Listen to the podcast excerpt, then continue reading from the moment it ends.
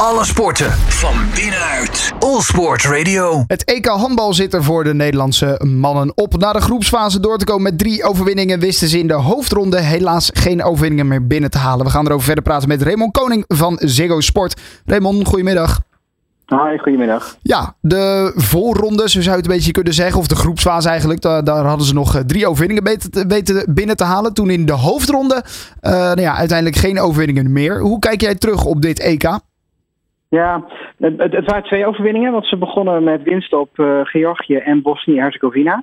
Ehm, daarna was die, die derde wedstrijd in die voorronde van het EK de wedstrijd tegen Zweden. Um, was eigenlijk de knaller voor, voor Nederland wel van het, uh, van het Europees kampioenschap. Daar verloren ze Samir Wenganen, die cirkelspeler. Daar komen we vast zo meteen nog wel even op. Um, uh, was echt een hele nipte nederlaag. De eerste nederlaag. Maar dat zorgde er wel voor dat Nederland puntloos naar die hoofdronde ging.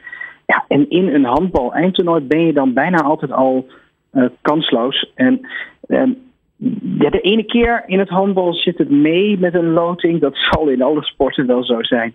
En de andere keer zit het tegen. En Nederland uh, wist dat het dit toernooi eigenlijk alle Scandinavische landen tegen zou komen.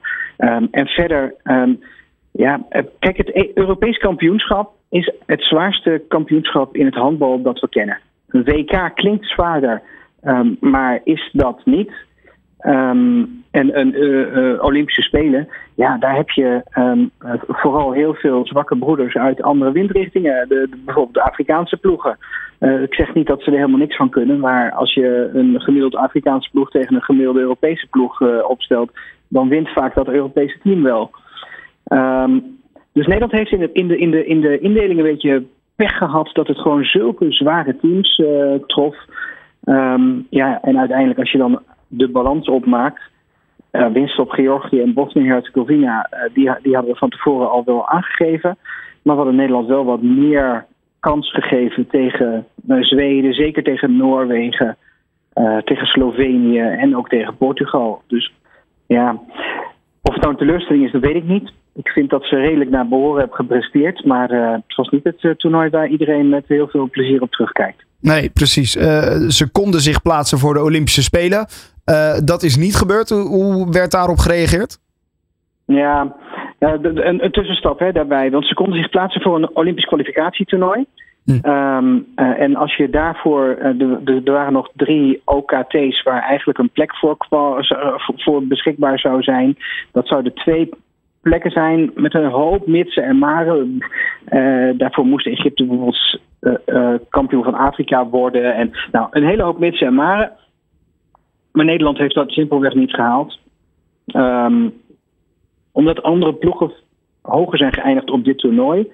En aan het einde van het toernooi wordt de Europese ranglijst opgemaakt.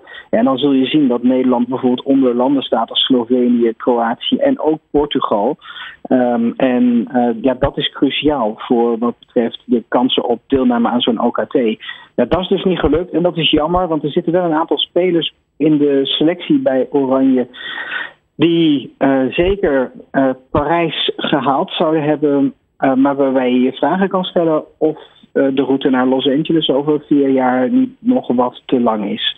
Hè, ik, ik, Luc Steins gaat echt toch wel een jaar of vier mee, schat ik in, de spelbepaler van Oranje. Ja. Maar als je kijkt naar de aanvoerder, Bobby Schagen, um, ja, die gaat dan echt naar uh, ruim het tweede deel van zijn jaren dertig. Um, uh, dan, dan ja, misschien blijft hij topfit en, en kan hij met zijn ervaring dan nog gewoon meedoen. Uh, maar er, er rammelen ook mensen zeg maar, aan zijn positie. Um, dus ja, geen idee. Ik weet niet hoe die route er voor de, voor de handbalmannen uit gaat zien. Daar zullen ze in de komende tijd zullen ze daar uh, tijd genoeg voor hebben om erover na te denken. Willen we echt lang door of duurt het wat minder lang? Ja, in ieder geval is Parijs buiten beeld voor de Nederlandse handbalmannen. Ja. Ja, ja inderdaad. Um, ja, je noemde ze al wel. Uh, belangrijk daarvoor was nog die laatste wedstrijd tegen Portugal. Uh, die werd dan nog uh, in 33-33 gelijk gespeeld. Was dat dan ja. nog...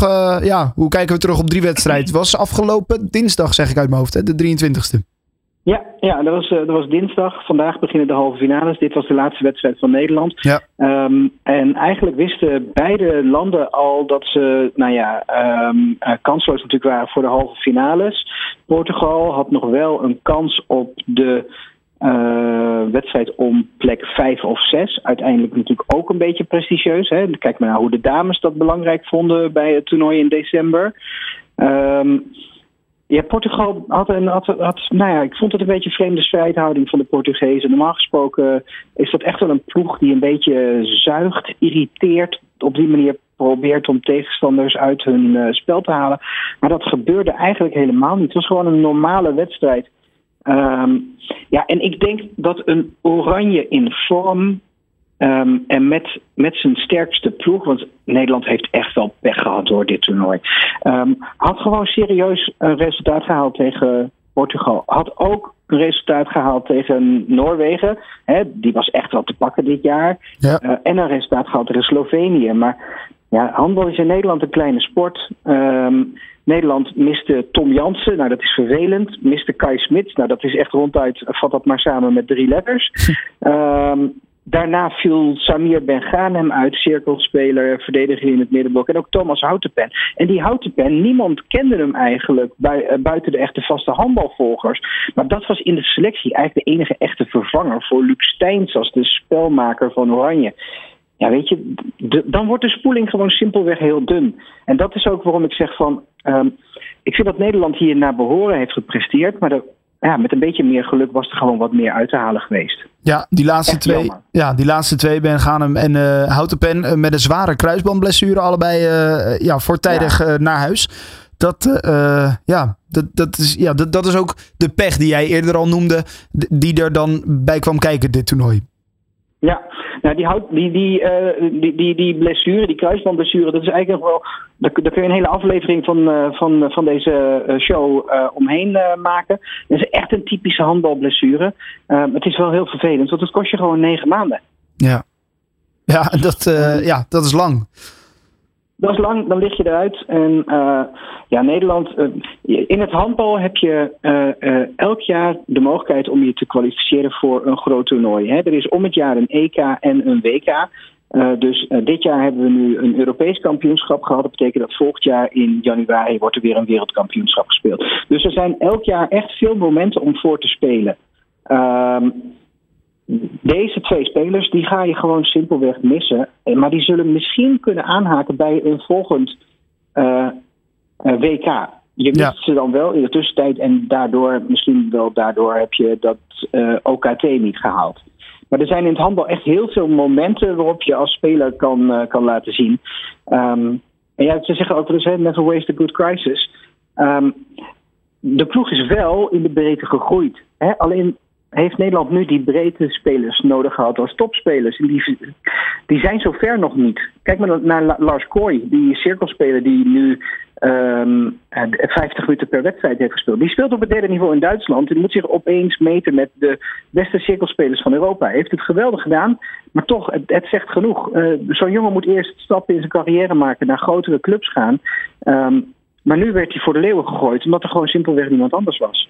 Ja. Uh, dus op basis daarvan denk ik, in de breedte is Nederland echt wel gegroeid. Luc Steins was dat ook met me eens. Die, die gaf dat in de, in de, in de krant ook aan. Um, en die zei, ja weet je, we hebben een mooi, een mooi EK gespeeld in Duitsland. Het zat gewoon op bepaalde plaatsen niet mee. Maar we zijn als team wel gegroeid. Maar ja, en, dat en is hij, conclusie van hem. En hij ziet het ook wel zitten over vier jaar. Ja, hij ziet het ook wel zitten. Hij is overigens de enige die wel teruggaat naar Parijs, omdat hij bij Paris Saint-Germain speelt. dus uh, waarschijnlijk uh, zit hij nu alweer uh, in, in, de, in de hoofdstad van Frankrijk. Um, maar nee, zonder gekheid. Hij, hij, hij, hij, is jong, of jong, nou ja, niet eens zo, zozeer jong meer, maar jong genoeg om in ieder geval de focus op 2028 te kunnen richten. En ik denk dat er voor echt wel veel spelers in die selectie geldt. Um, de vrouwen hebben ook zo'n route gehad. Hè. Die, dat zien we eigenlijk sinds 2015 altijd op eindtoernooien uh, ook deelnemen aan ja. de Olympische Spelen. Ja. Ehm, maar die hebben ook zo'n periode gehad waarin ze er eigenlijk nooit bij waren. Waarin ze op Europese en op wereldkampioenschappen wel aanwezig waren, maar steeds dertiende of achttiende werden. En op een gegeven moment hebben ze daar ook de sprong gemaakt. De Nederlandse mannen staan echt ook voor die sprong. Dus ik denk als ze er nu niet bij zijn in Parijs, uh, het is echt wel heel uh, reëel om te verwachten dat ze een gooi kunnen doen naar deelname in uh, Los Angeles in 2028. Ja. Ik ben echt wel overtuigd van uh, het team, van het talent, het vermogen om mee te willen doen. Ze moeten alleen meer ervaring opdoen en nou ja, daar wordt hard aan gewerkt. Ja, precies. Meer ervaring opdoen. Zorgen dat de breedte van het team ook uh, zijn resultaat heeft in de top van het team. En dat je dus een paar van die sleutelspelers gaat krijgen. Nu uh, nou ja, de captain uh, weg gaat vallen. Waarschijnlijk binnen nu en vier jaar. Um, moet je, moeten ze dus ook zorgen dat er een, een, nou ja, een, een, groep is die echt de top is. En die de rest, de, de breedte van de ploeg mee omhoog kan trekken daar naartoe. Naar dat topniveau. Ja, en dat, en dat begint natuurlijk wel in de eigen competitie, hè, in de Benelux, die we samen met de Belgen hebben. Ja. We zien nu dat een aantal van die spelers die nu voor het Nederlands team in aanmerking komen, dat die ook in de Benelux spelen. Ja, je wil eigenlijk dat die wekelijks uh, getest worden in wedstrijden in bijvoorbeeld de Bundesliga of de Tweede Bundesliga. Dat niveau is simpelweg gewoon hoger. Um, en we zien ook steeds meer spelers uh, met Nederlandse achtergrond wel daarvoor in aanmerking komen. Uh, hè, mooi, mooi voorbeeld, de topscorer van de ploeg. Um, uh, onze onze uh, linkerhoek, Rutger Velde, ja, die heeft zich tijdens dit toernooi uh, als speler van een tweede Bundesliga-club in de kijker gespeeld bij een goede club uit die Bundesliga. Um, die, zijn, die zijn inmiddels met elkaar in gesprek. En nou, ergens volgende week zal vast naar buiten komen dat hij heeft getekend voor club X of Y. En ja. al, al, speel je dan bij de nummer 16 of 18, je wordt toch wekelijks getest. Je speelt met en traint met betere spelers. Dat is het omveld voor Nederland. Dat hebben we ook dus bij die vrouwen gezien, die allemaal in grotere competities zijn gaan spelen. In Duitsland, in Hongarije, in de Scandinavische landen. Daar leer je gewoon meer bij dan en word je, word je op een betere manier getest dat is de stap voorwaarts die, die Nederland, uh, uh, waar, waar Nederlandse spelers voor staan. We doen heel veel goed werk in de opleiding, op Papendal, met die talentteams die er zijn. Um, maar de, de, de echte grote stap die spelers zetten als ze rond 18, 19 zijn, is die stap naar het buitenland waar, de, waar, de, waar, waar je gewoon beter en meer weerbaar bent. Ja, nou ja, en dat is de stap die ze dan dus uh, nu inderdaad moeten gaan maken. Een EK ja. waar we dus nou, wel uh, positief op terug kunnen kijken als ik jou uh, zo hoor, Raymond. Ja, ik, ik vind het wel. Ik heb ook mooie dingen gezien op het uh, EK. Ik heb prachtige staaltjes handbal gezien van Nederland, van andere landen. Um, ik vind Nederland heeft ongelooflijk veel pech gehad, maar heeft heel veel ook om uh, mee vooruit te kunnen kijken. Um, ik denk, we hebben een prachtig EK gehad. We zijn er nog niet. Hè. In uh, vandaag de twee halve finales ja. vinden we ook bij Ziggo Sport allemaal uit uh, vandaag. Um, de beleving tijdens het toernooi geweldig. Veel volle hallen, weet je. Het was een record met 55.000 toeschouwers in een voetbalstadion bij de openingswedstrijd van Duitsland. Straks hebben we die mooie finales en we gaan kijken. Hè. Vanavond Frankrijk-Zweden. Frankrijk is nog ongeslagen. Zweden is de Europese kampioen. Eén van die twee valt af. En dan hebben we ook nog het gastland Duitsland. Uh, die tegen nou ja, het ongenaakbare Denemarken uh, spelen, de, de, huidige wereldkampioen. Dat kan ook alleen maar vuurwerk worden. Dus ik kijk enorm vooruit naar die twee wedstrijden van vandaag. Vuurwerk bij het uh, EK handbal. Allemaal te zien bij Ziggo Sport. Ik sprak met Raymond Koning, dankjewel. Alle sporten van binnenuit. All Sport Radio.